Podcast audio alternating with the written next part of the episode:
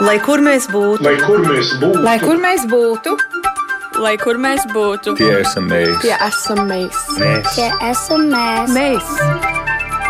Tas ir par mums, tas ir par mums, tas ir par mums. Esiet sveicināti laikā, kad mēs tiekam brīdināti par Covid-19 seku dēļ izraisītu jaunu emigrācijas vilni, un tāpēc šīs reizes saruna būs par to, kādas prasmes vajadzētu apgūt cilvēkiem dīkstāvē vai bezdarbniekiem, lai viņi spētu ātrāk pielāgoties jaunajai situācijai, būtu konkurētspējīgi un viņiem nevajadzētu meklēt darbu ārpus Latvijas. Kuras būs tās kritiski svarīgās prasmes, kas būs vajadzīgas Latvijas ekonomikai pēc krīzes, un vai mēs esam gatavi ieviest jaunu prasmju apgūšanas modeli, kas tad atbilstu digitālajai ekonomikai, un arī par to, kā top jauns pārkvalifikācijas plāns un kā valdība savukārt plāno to atbalstīt. Un neizbēgami runājot par uh, diasporu, protams, mums ir svarīgi saprast, kā Latvijas darba tirgumu piesaistīt darbiniekus ar tādām tiešām aktuāli vajadzīgajām zināšanām un prasmēm, un uh, nu, skatoties noteikti arī uz tiem, kurus mēs varētu atvilināt atpakaļ atpakaļ uz Latviju no diasporas. Tas ir tas, par ko mēs runāsim raidījumā Globālais Latvijas 21. gadsimts. Šai reizē, un kā ierasts, ne tikai klasiskā radio versijā mēs skanām, bet raidījumu ir iespējams arī skatīties gan radio YouTube kontā, gan Latvijas radio mājaslapā. Un uz sarunu joprojām attālināti gan, bet ar cerību, ka kādu dienu mēs satiksimies šeit radio studijā, mēs esam aicinājuši Amerikas Tirdzniecības palātas Latvijā valdes locekli Renāte Strasdiņa. Sveicināta, Renāte! Labdien! Esam aicinājuši strateģiskās komunikācijas konsultāciju uzņēmumu ērda dibinātāju un strateģisko konsultanti Zani Čulkstēnu. Sveicināti, Zane! Labdien!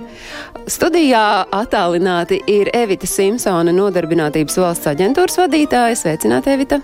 Labdien. Un eh, Reinis Notiņš, izglītības un zinātnes ministrijas parlamentārais sekretārs. Sveicināti! Labdien! Nu, tad droši vien, jāsāk ar to, ka kāpēc šis ir tas īstais brīdis pievērst uzmanību gan darbinieku apmācībai, pārkvalifikācijai un uh, prasmju uzlabošanai. Jāsaprot tikai, kurš sāk pirmais. Varbūt tas, kurš paceļ roku, tas arī sāk pirmais. Bet neviens neceļ roku. Zane, es skatos uz jums. Nē, es, var, es varu droši sākt. Ne, nu, manuprāt, un uh, es droši vien pārstāvu primāri to puses, kas saistās ar, eh, ar darba devējiem. Eh, un, kā jau es teicu, plaši saka, izpildījusies medijos, un ne tikai, kuri vēl pirms trim mēnešiem izmisīgi centās eh, atrast visu līmeņa darbiniekus, un es esmu pārliecināta, vēl pēc, vai jau pēc gada vai diviem viņi to darīs atkal. Nu, lūk, līdz ar to, manuprāt, šis ir brīnišķīgs brīdis. Uh, kā tāds starposms, kurā ir iespēja apgūt jaunas prasmes, pārkvalificēt um, ne tikai bezdarbniekus, bet arī savus esošos darbiniekus un sagatavoties tam laikam, kad ekonomika atkal teiksim, turpinās attīstīties tikpat strauji, kā viņi attīstījās uh, pirms tam. Kā, uh, tas ir no darbdevēja puses, no valsts puses mums ir uh, vismaz divi valsts pārstāvji.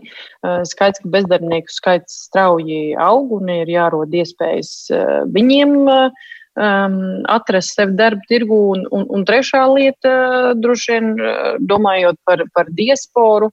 Uh, nu, es tāpat kā Reins un, un, un, un īstenībā arī Amčams, uh, mēs esam ļoti daudz runājuši, un es domāju, arī gan daudz ir darīts, lai mēģināt pārliecināt tautiešu atgriezties. Eh, skaidrs, ka ekonomiskās iespējas līdz šim um, ir bijušas labākas uh, citās Eiropas Savienības valstīs. Tas gan pēdējo gados pakāpeniski izlīdzinājās atsevišķās pozīcijās līdz ar algu līmeņa celšanos, bet šobrīd mēs esam tādā unikālā situācijā, kurā um, nu, teiksim, darba nav vai ir mazāk visur. Uh, Un B, Latvija ir, manuprāt, lieliski tikusi tik tālu ar, ar Covid eh, apkarošanu vai, vai ierobežošanu, un, un B, visu šo laiku ir spējusi, nu, teiksim, piedāvāt tādus apstākļus, nu, kas varbūt mūsu tautiešiem vienkārši strādājot uh, smagu darbu, bet bez atbilstošā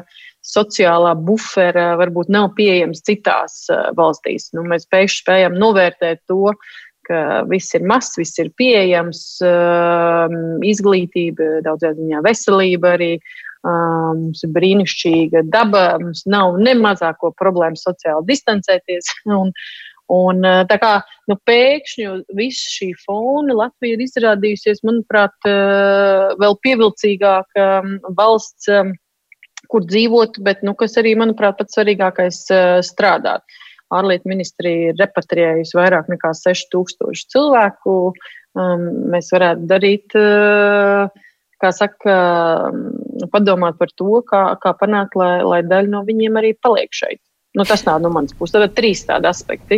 Zane minēja, ka mēs esam unikālā situācijā, tad es uzreiz vēršos pie nodarbinātības valsts aģentūras vadītājas Evita, kādā tad mēs esam šobrīd situācijā, ja mums ir jāskatās uz darba tirgu un arī uz to, ka šis ir labs un, un piemērots brīdis, lai mēs runātu par pārkvalificēšanos daudz uh, skaļāk un daudz vairāk nekā līdz šim. Um, jā, ja mēs runājam par, uh, par reģistrētā bezdarba līmeni un to, kā situācija ir mainījusies, uh, iestājoties ārkārtējai situācijai valstī, uh, tad, protams, bezdarba līmenis ir pieaudzis un pieaudzis ievērojami laikā, kad, kad normālos apstākļos mēs sagaidām bezdarba līmeņa kritumu, jo pavasarī, vasarā tas, tas tradicionāli tā notiek, jo, jo nāk, nāk, ienāk darba tirgu daudz sezonas darbi un, un darba tirgus aktivitāte pieaug tad, eh, tad šobrīd tā situācija ir pretēja, un, un bezdarba līmenis no 6,2% ir pieaudzis līdz 8,5%, un, un uh, reģistrēti ir vairāk kā 77,000 bezdarbnieku. Un tādos skaidros tie ir vairāk, uh, ir apmēram 25,000 jaunu bezdarbnieku, kas tieši ir reģistrējušies šīs ārkārtējās situācijas laikā.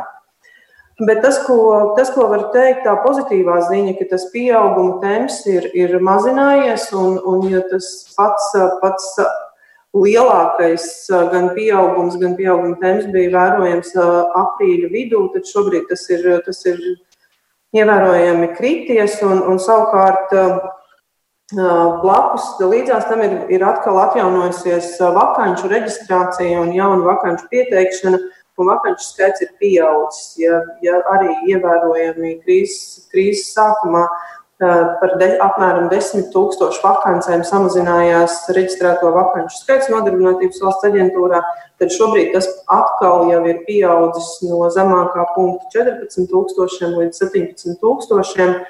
Un, un, un tā pavisam labā ziņa, ka tiek reģistrētas jaunas vakances. Par otro jautājumu par pārkvalifikāciju, jāsaka, kā jau, kā jau iepriekš sarunā minēja, tas jautājums nav radies šodien vai šajā krīzē. Tas ir aktuāls jau ilgāku laiku. Un kā paspēt pietiekami ātri noreaģēt uz darba tirgus un darba devēja prasībām, lai, lai šos vajadzīgos speciālistus sagatavotu pietiekami īsā laikā un iedotu tās vajadzīgās prasmes un, un kompetences, lai šie cilvēki varētu nodrošināt tās darba tirgus vajadzības, kas, kas, kas mūsdienās ir. Bet kas arī no nodarbinātības valsts aģentūras skatu punkta ir svarīgi, mēs zināmā mērā arī pildām sociālu funkciju. Un vairāk liela daļa mūsu klientu nekad nebūs augstas kvalifikācijas speciālisti un nebūs augsta līmeņa IT speciālisti vai kādas citas. Ļoti pieprasītas šobrīd jomas pārstāvji. Tādēļ ir arī svarīgi atrast to veidu, kā, kā balansēt mūsu piedāvājumu starp, starp dažādu līmeņu klientiem, lai arī, lai arī tie, kas ir zemākas kvalifikācijas pārstāvji, joprojām būtu noderīgi un arī atrastu vietu darba tirgū. Līdz ar to mēs skatāmies. Tā kaut kas uzkārās mūsu saziņā ar nodarbinātības valsts aģentūras vadītāju, tāpēc es uzreiz, kamēr mēs saslēdzamies atpakaļ, es jautāšu. Renāta. Sākot ar iemācīties prasmes un, un Evita, mēs jūs ļoti slikti dzirdam, tāpēc es uzdodu tālāk jautājumu Renātei Strasdiņai Amerikas Tirzniecības palātas Latvijā valdes loceklei un arī darba grupas, kas jau divus gadus strādā pie šāda pārkvalificēšanās plāna. Kāds ir tas jūsu redzējums? Jo, nu, te ir jārunā gan par sabalansētību, gan arī, protams, ir jāfokusēs uz tām jomām, kur šīs prasmes un, un šo cilvēku spēks būs vajadzīgs uh, arī turpmāk? Jā, paldies par, par jautājumu. Un tieši tā, Amerikas um, Tirzniecības palāta Latvijā divi gadi pie šī, pie šī jautājuma strādā, un, un mēs esam savās um, diskusijās un savos pētījumos fokusējušies uz diviem galvenajiem aspektiem. Viens ir um, darbinieku pārkvalifikācija, ko mēs savā uh, Eh, savā darbā saucam par eh, darbinieku eh, prasmju uzlabošanu. Un otrā lieta, vai otrais fokus mums ir uz Latvijas tēla stiprināšanu kā karjeras gala punktu arī tiem, kuri pašreiz nav Latvijā. Es tagad pievērsīšos vairāk šai prasmu pilnveidēji. Un um, es uh, pilnīgi varu pievienoties uh, Nodarbinātības valsts aģentūras um, direktoras teiktiem par to, ka, protams, ne visi būs IT speciālisti. Mēs zinām, ka pēc IT speciālistiem ir liels pieprasījums un būs liels pieprasījums. Taču uh, mēs arī redzam, un ceļš pēdējos mēnešos mēs redzējām, ka digitālās prasmes ir vajadzīgas ikvienā nozarē. Tas vairs nav, tā vairs nav runa par par uh, programmētājiem, sistēmu arhitektiem, kuri būs vajadzīgi, kuri ir vajadzīgi, lai radītu jaunas tehnoloģijas un jaunus produktus. Bet ir jābūt arī gudram un spējīgam lietotājam. Un uh, mēs arī savā piedāvājumā aicināt, aicinām uh, tieši tā arī skatīties, ka ir šīs Pirmais posms ir pamat digitālās prasmes, modernās 21. gadsimta digitālās prasmes, kas ir gan šī attālinātā sadarbība, um, kiberdrošības pamatprincipi, datu analīzes pamatprincipi, sapratne par to, kas ir mākslīgais intelekts, bet neejot tur, kur mēs rādām produktus. Ja? Tātad šīs digitālās prasmes ikvienam, ik katram. Uh, lai tad, ja ir nepieciešams strādāt attālināti, tad to, to var jau kvalificēti darīt. Un tad iet tālāk, tad tiem, kuriem jau ir interese un, un spējas, iet tālāk jau uz šīm te tehniskajām, dziļākajām um, IT, IT prasmēm. Ja, tad sadalīt. Un tad noteikti par ko vajadzētu, kam vajadzētu pievērst uzmanību, ir arī šīs attālinātās saskarsmes prasmes, kas var būt gan pārdošanā, gan, gan, gan kolektīvu vadīšanā, gan savstarpēju komandu darbā, kas arī uh, ir jāiemācās un ir jāsaprot, kā tam, kā tam ir jānotiek šī hibrīdajā uh, darbības modelī. Tā kā, tā kā tas ir tas mūsu, uh, mūsu redzējums, un kā ceturto posmu mēs arī piedāvājam, ka ir šī mūža izglītība, jo arī NVL direktori teica par to, ka uh, vajag ļoti ātri pielāgoties ļoti ātri pielāgoties ir grūti, tad, ja šī te, šīs te prasmes netiek atjauninātas regulāri tā regularitāte ir svarīga. Un, un tad mēs redzam, ka, ka tādas um, nu, cilvēku prasmju uzlabošana tādā modelī var, var strādāt. Un atbildot uz to pirmo jautājumu, kāpēc tagad ir, ir labs laiks, Um, labs laiks ir tāpēc, ka ir pārvarēts tāds, uh, varbūt tāda pirmā pretestība, ka liekas, ka daudz ko nevar darīt attālināt. Un arī rādio, es domāju, Agnes, jūs piekritīsiet, ka, uh, nu, lai nu kur, bet ne jau uh, rādio studiju attālināti varēja, varēja tā kā iedomāties. Ja? Un, un tagad mēs to darām. Protams, tur ir dažas nianses, bet tas ir iespējams. Un tāpēc tā, tas ir labs brīdis, kad ir pirmais posms kā, pārdzīvots un mēs varam iet tālāk un, un būvēt tālāk tās savas zināšanas. Un iespējams šis ir arī labs brīdis tā iemesla dēļ, ka daudzi no mums, kuri pilnīgi iespējams sevi uzskatīja par tādiem digitāliem frīkiem, kuri diezgan daudz ko saprot, patiesībā saprata, ka nē, nē, nē, iespējams ir jāmācās arī tiem, kuriem šķita, ka viņi ir gana zinoši. Bet kā? Nu, pirmkārt ir jāsaprot, kā tad tādas apmācības pārkvalificēšanās notika iepriekš un kā jūs redzat, lai tas, par ko runā Amerikas tirdzniecības palāta Latvijā varētu reāli arī tikt iedzīvināts mūsu ikdienā. Un te es skatos uz Izglītības un zinātnes ministrijas parlamentāro sekretāru. Jā, sveiki. Es gribētu sākumā varbūt nedaudz ieskicēt tādu lielāku bildi, pirms es ķeros klāt jau detalizēti tam piedāvājumam, varbūt ar ko Amčams ir iznācis. Un tā lielā bilde būtu tāda, droši vien, ka mums ir jāsaprot, ka izglītība un arī karjeras izaugsme principā fundamentāli mainās. Tā mainās jau kādu laiku, un, un to varētu, teiksim, tādā ziņā, teiksim, uzzīmēt tā, ka, ja agrāk karjera bija ļoti skaidra un saprotama trepe, Tad cilvēks ieguva izglītību, tad viņš ieguva kaut kādu pamata, pamata pozīciju, tad viņš kļuva, ieguva pieredzi, kāpa nākamajā pozīcijā, kļuva kompetentāks un tā kāpa pa savām karjeras kāpnēm. Tad tagad tā pasaule, ko mēs ejam, ir pavisam citādāk. Pirmām kārtām, tādā nākotnes digitālajā pasaulē, tad cilvēks savas dzīves laikā visdrīzāk strādās vairākas, vairākas nesaistītas karjeras, iespējams, ļoti dažādas. Iespējams, kādu karjeras laiku cilvēks būs uzņēmējs, tad kādu karjeras laiku cilvēks būs e, kādā citā nozarē darbosies, varbūt digitālā nozarē vai vēl kaut kur. Un e, šīs karjeras var mainīties. Tātad ik pēc, un kā mēs mums arī jaunākie pētījumi rāda, mēs redzam, ka īpaši mileniāļi, tie, kas ir dzimuši, dzimuši sākot ar 87. gadu, tad viņi visdrīzāk vienā darba vietā nepavadīs vairs 15, 20 gadus, bet viņi šīs darba vietas iespējams mainīs pēc diviem, trīs gadiem regulāri. Tā ir viena liela atšķirība. Otra, ko jau iepriekšējā minētā, minē, iepriekšējās runātājas minēja, tātad eh, digitālajā laikmatā, protams, mums ir daudz iespējas, bet arī izaicinājumi.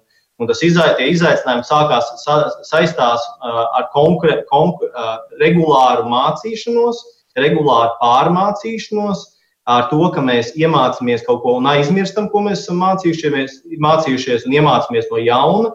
Un eh, šis te savukārt ieiet tādā mūža izglītības tādā diapazonā, ja varētu teikt. Un eh, šeit eh, nu, jau sākā veidoties tāds saskarsmes punkts, punkti ar reālo ekonomiku, reālo darba, teiksim, darba vidi šobrīd Latvijā.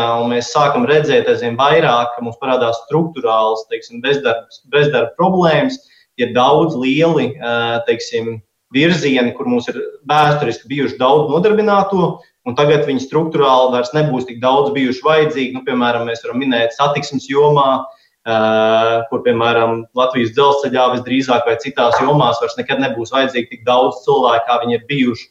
Bet viņiem būs jāpārkvalificējas struktūrāli uz kādām citām augstākas pievienotās vērtības, uh, tātad, uh, nu, piemēram, prasmēm un, un, un virzieniem.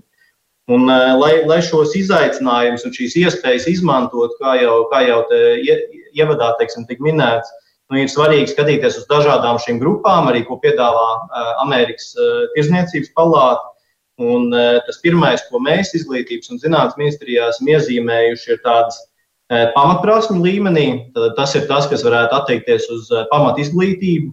Un, un, un, un tad, tur mēs mācām gan šo digitālās prasmes, kad mēs mācām to un mēģinām ievest iekšā teiksim, tādas lietas kā attālināto mācību sistēmu, ne tikai kā teiksim, vienreizēju krīzes risinājumu, bet kā daļu no, no ikdienas teiksim, mācībām. Līdzīgi kā tas ir Igaunijā un Somijā, tad viņiem ir viena diena nedēļā, piemēram, kad viņi uh, arī pirms krīzes, arī pirms visu šī Covid stāsta, pavadīja attālinātajās mācībās. Un ko tas mums māca? Tas mums māca pirmām kārtām šīs digitālās prasmes, ne tikai spēlējot spēles un tādas lietas, bet reāli strādājot.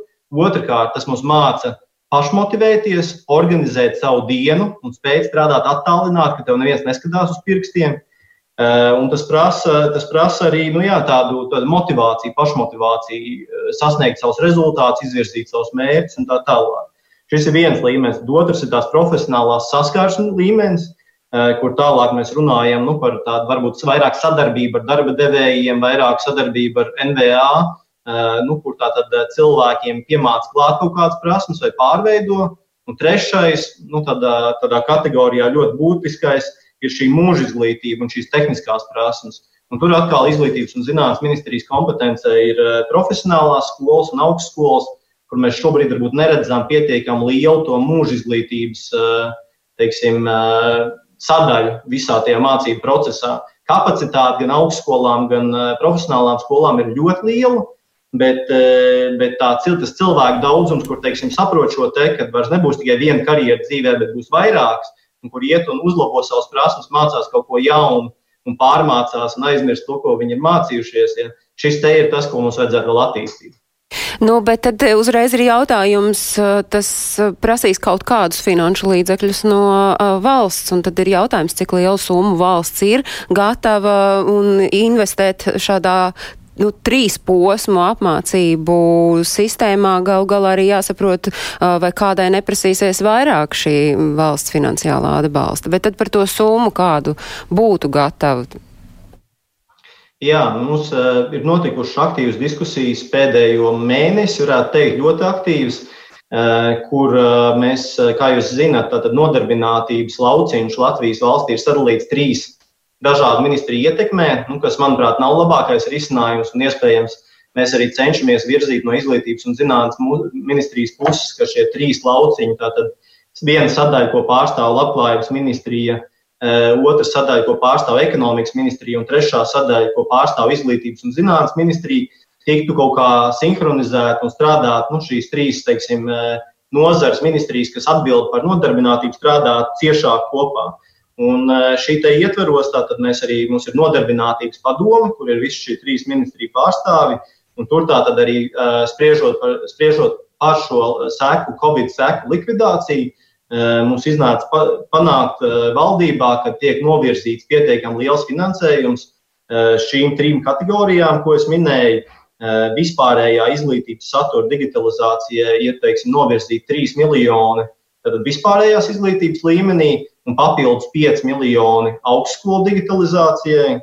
Tad tajā otrajā, varbūt segmentā, kas ir tās profesionālās saskarsmes spējas, tur kopā ir pozīcija, kas ir 29,5 miljoni. Šeit ir zem šīs pozīcijas ap, apakšā ir gan sadaļas, kas ir labklājības ministrijai lielākoties, tad ir arī ekonomikas ministrijai, un ir arī sadaļa, sadaļa izglītības un zinātnes ministrijai, kas vairāk ir pārkvalifikācija caur profesionālajām skolām, pārkvalifikācija caur augstskolām.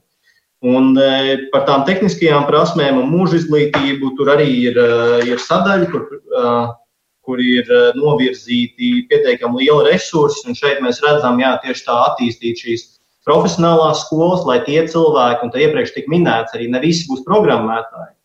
Un ne visi būs tie, kas spēj nu, arī digitālās prasības izkopt tik ātri un tik laicīgi. Un tāpēc šeit ir svarīgi saprast, lai mēs tos cilvēkus, kas ir tajā pirmajā līmenī, teiksim, un dara maz kvalificētu darbu, lai mēs spētu viņus pacelt nākamajā, piemēram, caur profesionālajām skolām, iedot viņiem tās nu, prasmes reālās, un tad tos, kuri jau ir vidējā līmenī, nu, vai kādā speciālistu līmenī, lai mēs spētu iedot viņiem vēl lielāku papildus izglītību, lai viņi spētu jau konkurēt pasaules līmenī skatītos varbūt ne tikai lokāli, bet arī, arī globāli uz pasaules tirgiem un tādām lietām. Tā kā, nu, principā visām šīm trim kategorijām ir eh, piešķirts finansējums, un es domāju, tā atslēga būs eh, atrast labākās programmas, labākos veidus, arī kā sadarboties visām šīm trim ministrijām, lai šies, šīs programmas tiktu veiksmīgi maksimāli izmantotas. Jā, tas cipars ir tiešām iespaidīgs. Tādam klausītājam vienkārši šķiet neticams, un te tad rodas tas jautājums tieši kā atrast, kurš būs tas, kurš nosaka, kā, kuram tad tieši vajadzētu šobrīd pārkvalificēties, un tostarp arī kam uzticēt šo pārkvalificēšanās procesu. Renāte ir idejas, Zane, Evita. Labi, Zane. Es tieši gribēju teikt, ka man, man liekas, ka tur ir liels darbs izdarīts uh, gan no ministrija puses, gan no NVA puses, jo tas, protams, ir ļoti sarežģīts uh, jautājums. Tā kā varbūt, lai, lai valsts vispirms uh, pastāst par plāniem. Jā, tā ir kārtība, kādā notiek uh, apmācības programma izvēle, un pēc tam jau apmācības īstenotāja izvēle ir nosacīts. Un, jā, kā Zana teica, tas ir pietiekami sarežģīti, bet arī diezgan visaptveroši. Tur ir iesaistīti daudzi nodarbinātības sfēras speciālisti un, ja tā teikt, spēlētāji. Jau pieminētā nodarbinātības padoma, tātad visu trīs ministriju pārstāvji ir šajā apmācību programmu izvēles komisijā. Tāpat arī darba devēju pārstāvi gan caur darba devēju konfederāciju, gan caur tirzniecības rūpniecības atkal uzkārās sasodīts. Mums ir jāskatās uz um, interneta kvalitāti nodarbinātības valsts aģentūrā. Es Renātei dodu vārdu. Šajā apmācību programmā pieņemti uh, šajā situācijā. Nē, nē, nē Renātai ir jāparunā. Evitai atkal Jā, ir uzkāries. Es, es aizpildīšu nedaudz tad, uh, to, to tukšumu, kamēr uh, internets uzrādās atpakaļ. Uh, bet um, viena no nu, tāda pārdoma, kas, kas būtu jāņem vērā, manuprāt, pirms plāno visas šīs, šīs mācības. Um, un tās programmas. Uh, tomēr viņas būtu jāplāno tādā veidā, ka tur parādās jaunākais un svaigākais gan no tehnoloģijām, gan no tiem pielietojumiem. Jo, jo tehnoloģiju mācīšana, un, un šeit Znotiņkungs arī um, labi to iezīmē, ka ir svarīgi, ka viņas lieto praksē jo tas ir tas veids, kā, kā, kā mācās. Un, un te būtu svarīgi, ka ir kombinācija. Ja cilvēks kaut ko mācās, vienalga vai viņš mācās pamatlīmeni, vai viņš mācās um, jau, jau nu, tādu augstāku līmeni, ka, ka viņam ir iespēja to lietot praksē, vai nu uzņēmumā, vai, nu, vai kaut kur citur. Ja? Un, un te būtu tiešām jāpievērš uzmanība, jo tad, ko mēs arī no saviem biedriem aptaujās um, redzējām, ka, eh, ka, ka viņi norādīja, ka šajos NVA piedāvātajās eh, mācībās eh, ir nu, tādi vecāku laiku tehnoloģijas tiek, tiek mācītas vai šīs prasmes, un ka būtu svarīgi, ka, ka tās ir tādas jaunākās un ar, ar jaunākajiem pielietošanas scenārijiem. Tāds novēlējums. Varbūt tas ir jau plānots. Tas ir plānots, Reini? Par NVA man būs grūtāk atbildēt, jo Nodarbinātības valsts aģentūra ir, ir Labklājības ministrijas pakļautībā. Droši vien, ka Evita varētu precīzāk komentēt par programmām, kas viņiem ir paredzētas. No savas puses var teikt, ka, nu, es jau minēju, mēs plānojam ieguldīt tātad augstskolu digitalizācijā. Tas ir viens. Tad dot augstskolām šos papildus resursus, lai viņi uh, vairāk digitalizē gan savu saturu, gan savu pieejamību, kā, to, kā apmācības veikt.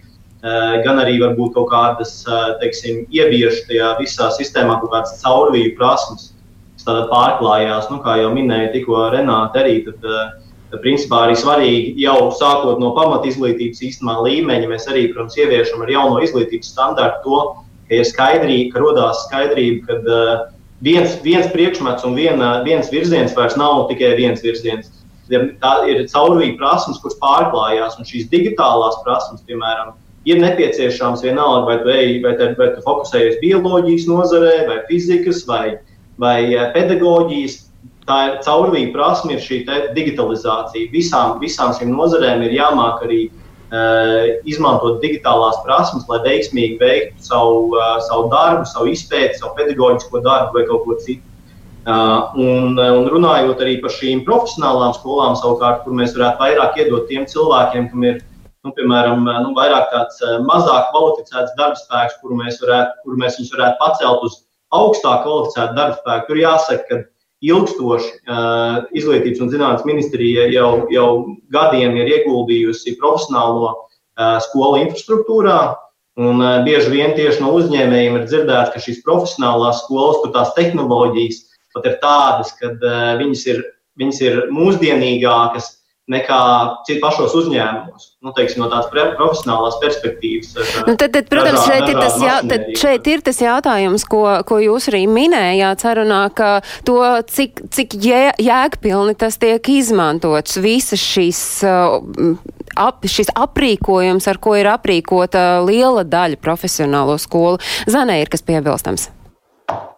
Nu, jā, un šajā kontekstā es varu var arī tikai pievienoties kolēģiem un teikt, ka nu, e, es personīgi, un skatoties no saka, darba devēja puses, e, e, ļoti ticu visu veidu apmācībām, kas tomēr notiek pie darba devējiem. Jo, jo darba devēja uzņēmumi netērēs nevienu minūti un nevienu centu. Nu, teiksim, tāda veida apmācībās, kam viņi neredzēs uh, rezultātus. Un, un tas ir vecs stāsts arī, skaidrs arī pat uzņēmumu ietveros. Uh, izvēlēties pareizos apmācību piegādātājus un, un, un saturu nav nemaz tik vienkārši. Un bieži vien, kad mēs esam nosūtījuši kādu uz ārējiem kursos, pat uh, uzņēmumos un sagaidījuši, kā saka, anketas par apmierinātību, mēs redzam, ka tas, ko novērtējuši visvairāk, ir cepumi vai kafijas starpbrīžos.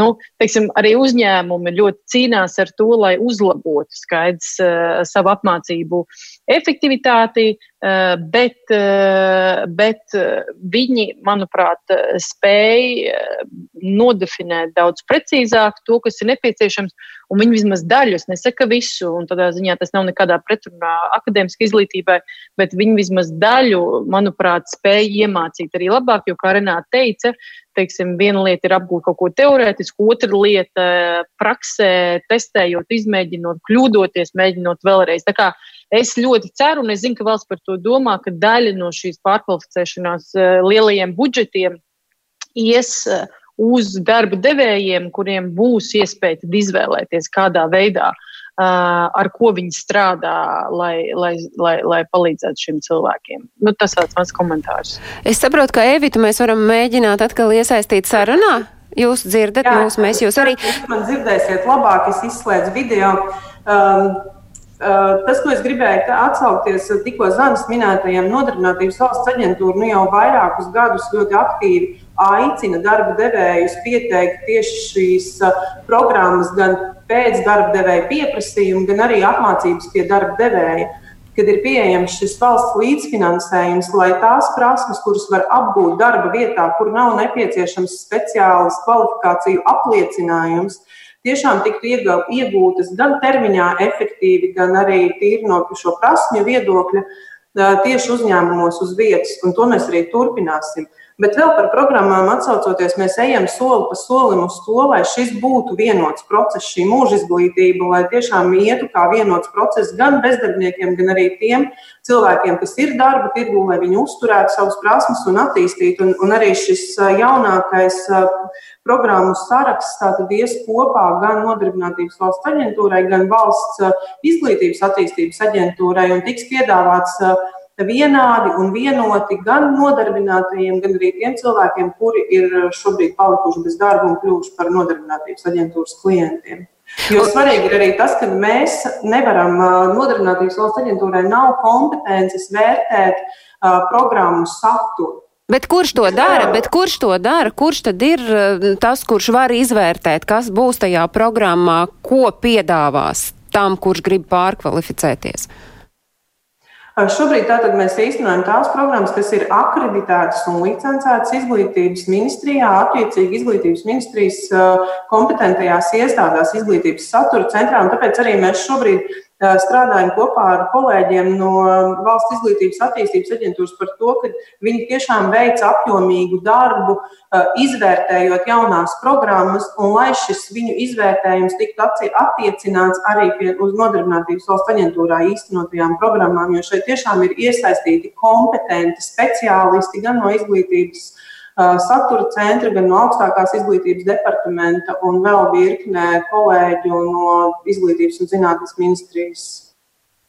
Bet nu, man ir vienkārši pamodelēja, nu, kas notiek, piemēram, no tiem uh, cilvēkiem, kuri šos kursus apmeklē, tiek saņemts atsauksmes, nu, ka viņiem šķiet, ka varbūt tiešām kafija un tēja bija pats labākais uh, visā šajā procesā un ka viņi nejūt vai mēdz vispār tā notikt, ka, ka tiek saņemts signāli par to, ka tas kurs iespējams nav atbilstošs tieši šim laikam un uh, vietai. Jā, nu, ja mēs runājam par apmācību programmām, kuras tiek piedāvātas bezdarbniekiem, tad šeit kafija un cepumi izpaliks. Bet mēs saņemam, protams, arī gan sūdzības, gan, gan atsauksmi veidā rekomendācijas par to, ka kāda programma neatbilst, neatbilst tam saturam, kas varbūt tika sagaidīts. Uh, bet uh, tad, jā, ja tas ir par īstenošanas nosacījumiem, tad tu, tur mēs skatāmies un vērtējam, kā, kā tiek īstenot un ievērot nosacījumi. Ja tas ir par saturu, tad mēs atkal jau vēršamies tomēr uh, izglītības nozarē ar, ar lūgumu viņiem izvērtēt, vai tur viss notiek tā, kā tam ir jānotiek šajā izglītības iestādē. Renāte pacēlus roku. Jā, es, es izmantošu iespēju. Es vienkārši gribēju uzdot Simpsons kundzei jautājumu. Jūs teicāt, ka šīs programmas pašreiz izvērtē, es sapratu, vairāk valsts puses puses speciālisti un eksperti, vai tur ir arī darba devēja pārstāvi iesaistīti, kuri varētu to, to sajūtu par to, kas tad darba devējiem no prasmēm ir, ir nepieciešams, vai viņi šī procesā iesaistās?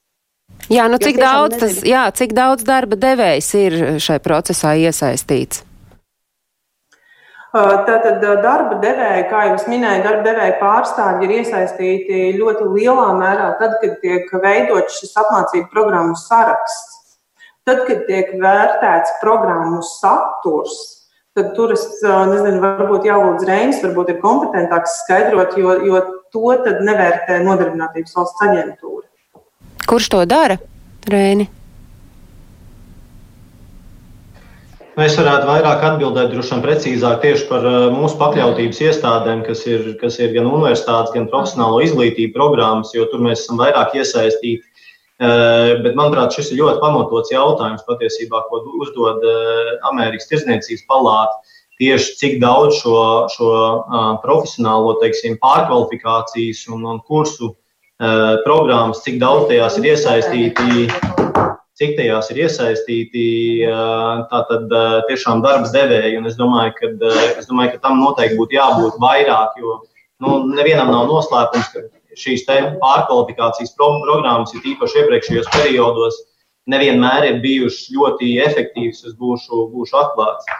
Un, tāpēc darba devēji būtu daudz vairāk jāiesaist, tas ir viens. Otrs, otrs atsaucoties uz, uz Zanas iepriekš teiksim, minēto, uh, ir arī paredzēts programmas un no šī finansējuma kopējā sadaļa, kas tieši sadarbībā ar darba devējiem eh, veic šīs, šīs apmācības.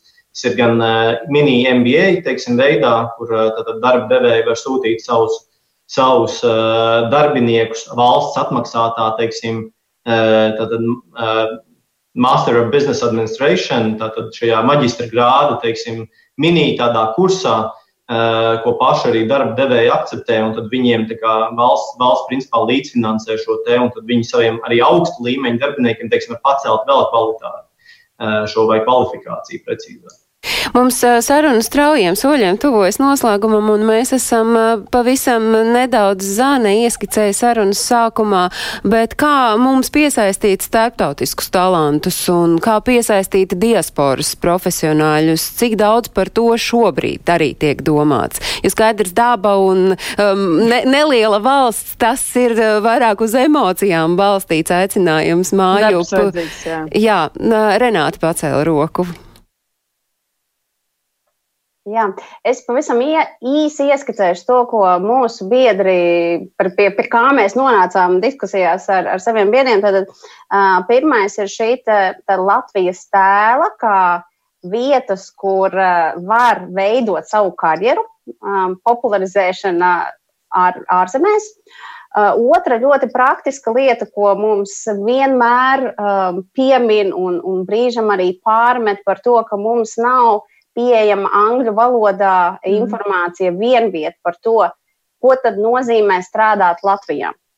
Un ne tikai pašam darba ņēmējam, kas ir svarīgi, bet arī viņa ģimenei. Ko tas nozīmē? Jo mums ir jāsaprot, ka, ka atbrauc, nu, reizēm atbrauks viens cilvēks, bet var būt, tā var būt ģimene, kur tas ir ne tikai darbs, bet arī bērnu dārza, skolas, sociālai pakalpojumi un viss vispārējais. Un eh, šīs ir tās divas pamatlietas, uz kuras eh, mūsuprāt var vienkārši atrisināt un, un, un lai vispār sāktu šo procesu. Reini, tas ir vienkārši atrisināms. Tas noteikti ir atrisināms. Eh, es gan gribētu iezīmēt nedaudz citas lietas, un viena lieta, par ko tieši šobrīd ļoti, ļoti cīnās Izglītības un zinātnes ministrija, Un tā ir varbūt šī atvērtība arī publiskajā sektorā, un izglītības un zinātnes ministrija par šo cīnās augstskolu pārvaldības sakarā.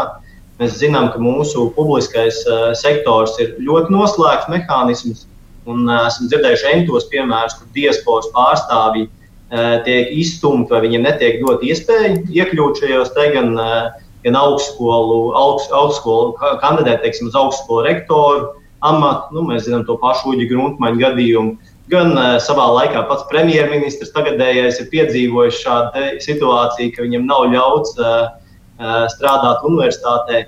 atvērtība publiskajā sektorā teiksim, ir viens. Tāpat padomēs, valsts kapitāla sabiedrība padomēs, mums ir daudz spējīgi profesionāļi no visas pasaules ar starptautisku pieredzi, ko mums vajadzētu iesaistīt. Diemžēl tur ir tādi iekšējie protekcionismu me mehānismi izveidot, lai neļautu teiksim, cilvēkiem no malas iet, teiksim, iekļūt. Tāpēc šādas struktūrāls reformas, kā piemēram augstskolu pārvaldības grozījumi, ir tik ļoti būtiski arī tas Tas, tas noteikti ir viens tāds virziens, un privātajā pusē, teiksim, no savas pieredzes, privātajā jomā es varu spriest, ka šeit es aicinātu drīzāk darba devējiem. Ir, ir tādi darba devēji, kas ļoti novērtē šos te, teiksim, starptautisko pieredzi, un ir tādi darba devēji, kas vēl projām negluži redz to jēgu un to pievienoto vērtību. Un varbūt daļai darba devēji tur aicinātu skatīties vienkārši kā var, kā var šie cilvēki ar starptautisko pieredzi, ar citu domāšanu, kā viņi var paplašināt manu domāšanas lauku, paplašināt manu uzņēmēju, varbūt eksporta spēju eh, ar saviem, saviem teiksim, sadarbības partneriem, ar kontaktiem, kas viņiem izveidojušies visā pasaulē, palīdzēt pārdot un nu, tādā veidā skatīties vienkārši plašāk uz to, uz to visu. Zāne? Jā, un es varu tikai pa, pa, papildināt gan Reņģa, gan Renātas teikto kontekstā ar, ar darba devējiem. Nu, es pati turpinu aktīvi darboties kustībā Latvija strādā. Tur ir iesaistījušies vairāk nekā 150 darba devēji, kas ir apņēmušies atgriezt Latvijā vismaz vienu, kā saka, tautiet tieši, tieši darbam. Un, un kā jau Reins teica, tā, tā ir arī neliela domāšanas maiņa vai, vai ļoti kaut kāds vismaz atsevišķi fokusēts darbs vai uzmanība tieši šim jautājumam. Un mēs secinām, ka bieži vien teiksim, mūsu tautiešiem šķiet, ka šeit nav darba, arī tad, kad viņa bija daudz un vēl joprojām ir daudz. Līdz ar to nu, teiksim, tā, tur ir aktīvi jākomunicē šīs iespējas, ir aktīvi jāsaka, ka mums interesē šis talants. Ir, ir, ir kā Renāta arī teica, jāņem vērā, ka bieži vien mūsu tautieši ir ieprecējušies un viņi labprāt vest visu savu ģimeni, no kā iegūt visu Latviju. Un, un varbūt ģimene nerunā latviešu valodā tik labi, un arī viņi grib iejusties šeit. Un, nu, tā, tur ir virknē jautājumu, ar ko es domāju, ka tas ir gan par darba devējiem, tas ir lielā mērā par valsts diasporas politiku, kas, manuprāt, līdz šim vairāk ir gājis tādā tautiskā virzienā, nu, ir atbalstīti koru un deju kolektīvi Anglijā un, un, un, un, un Īrijā, bet mazāk ir domāts par to, ka veids, kā viņas dabūt atpakaļ, ir caur darbu. Tas ir vienkārši fakts. Nu, lūk, un papildus pilnīgi noteikti A, Latvijas tēls kā vieta, kur strādāt un attīstīties, kā karjeras destinācija. Ja? Ne tikai mūsu tautiešiem, bet arī talantiem no visas pasaules. Pilnīgi noteikti angļu valodas izmantošana, pielietošana valsts sektorā ne tikai mēs esam ļoti daudz stāstu dzirdējuši nezinu, Rīgas doma izsludina laipni uh, latviešu valodas kursus, kurā labprāt cilvēki pieteiktos, tikai šie kursi ir izsludināti latviešu valodā. Prot, tev ir viņi jāprot, lai tu viņiem varētu pieteikties. Un, nu, un tā mēs ejam uz riņķi, nerunājot par to, ka nevar atrast informāciju ne par sabiedrisko transportu, ne par vilkni citām lietām. Nu, lūk, un, un pēdējais, manuprāt, pats svarīgākais un vissarežģītākais ir šī atvērtība. Mēs kā valsts, manuprāt, joprojām neesam pateikuši, ka Mēs gribam dažādus cilvēkus, mēs gribam Latviju padarīt par, par, par, par, par kā saka, talantu, talantu centru un ar talantiem domājot arī dažādas tautības, manuprāt. Nu, jūs to tikko pateicāt, Zani, tad cerams, ka tas saska, sa, sasniegs dzirdīgas ausis, un uh, mēs esam ievibrējuši vienu ārkārtīgi svarīgu tematu šodien, un es domāju, ka mēs nebūtu nepieliekam punktu šim. Mēs skatīsimies, uh, vērosim, sekosim līdzi, kā notikumi attīstīsies, un tad jau mēs varētu nākotnē skatīties un runāt par tiem veiksmas stāstiem, ka cilvēkiem tiešām ir izdevies šo pārkvalifikācijas procesu paveikt, un tad um, atklāsmes, ko viņi būs piedzīvojuši, mēs kādu citu reizi šeit dzirdēsim. Amerikas Tirdzniecības palāca Latvijā valdes locekle Renāte Strasdiņa, strateģiskās komunikācijas konsultāciju uzņēmuma mērda dibinātāja un strateģiskā konsultante Zana Čulkstēna, nodarbinātības valsts aģentūras vadītāja Evita Simpsone un izglītības un zinātnes ministrijas parlamentārais sekretārs Reinis Znotiņš. Tie bija šodienas raidījuma attālinātie viesies. Atgādinu, ka visas ārpus Latvijas dzīvojošajiem svarīgās aktualitātes jūs varat meklēt meklēt arī portālā latviešu.com, kur skatāms ir mūsu raidījums.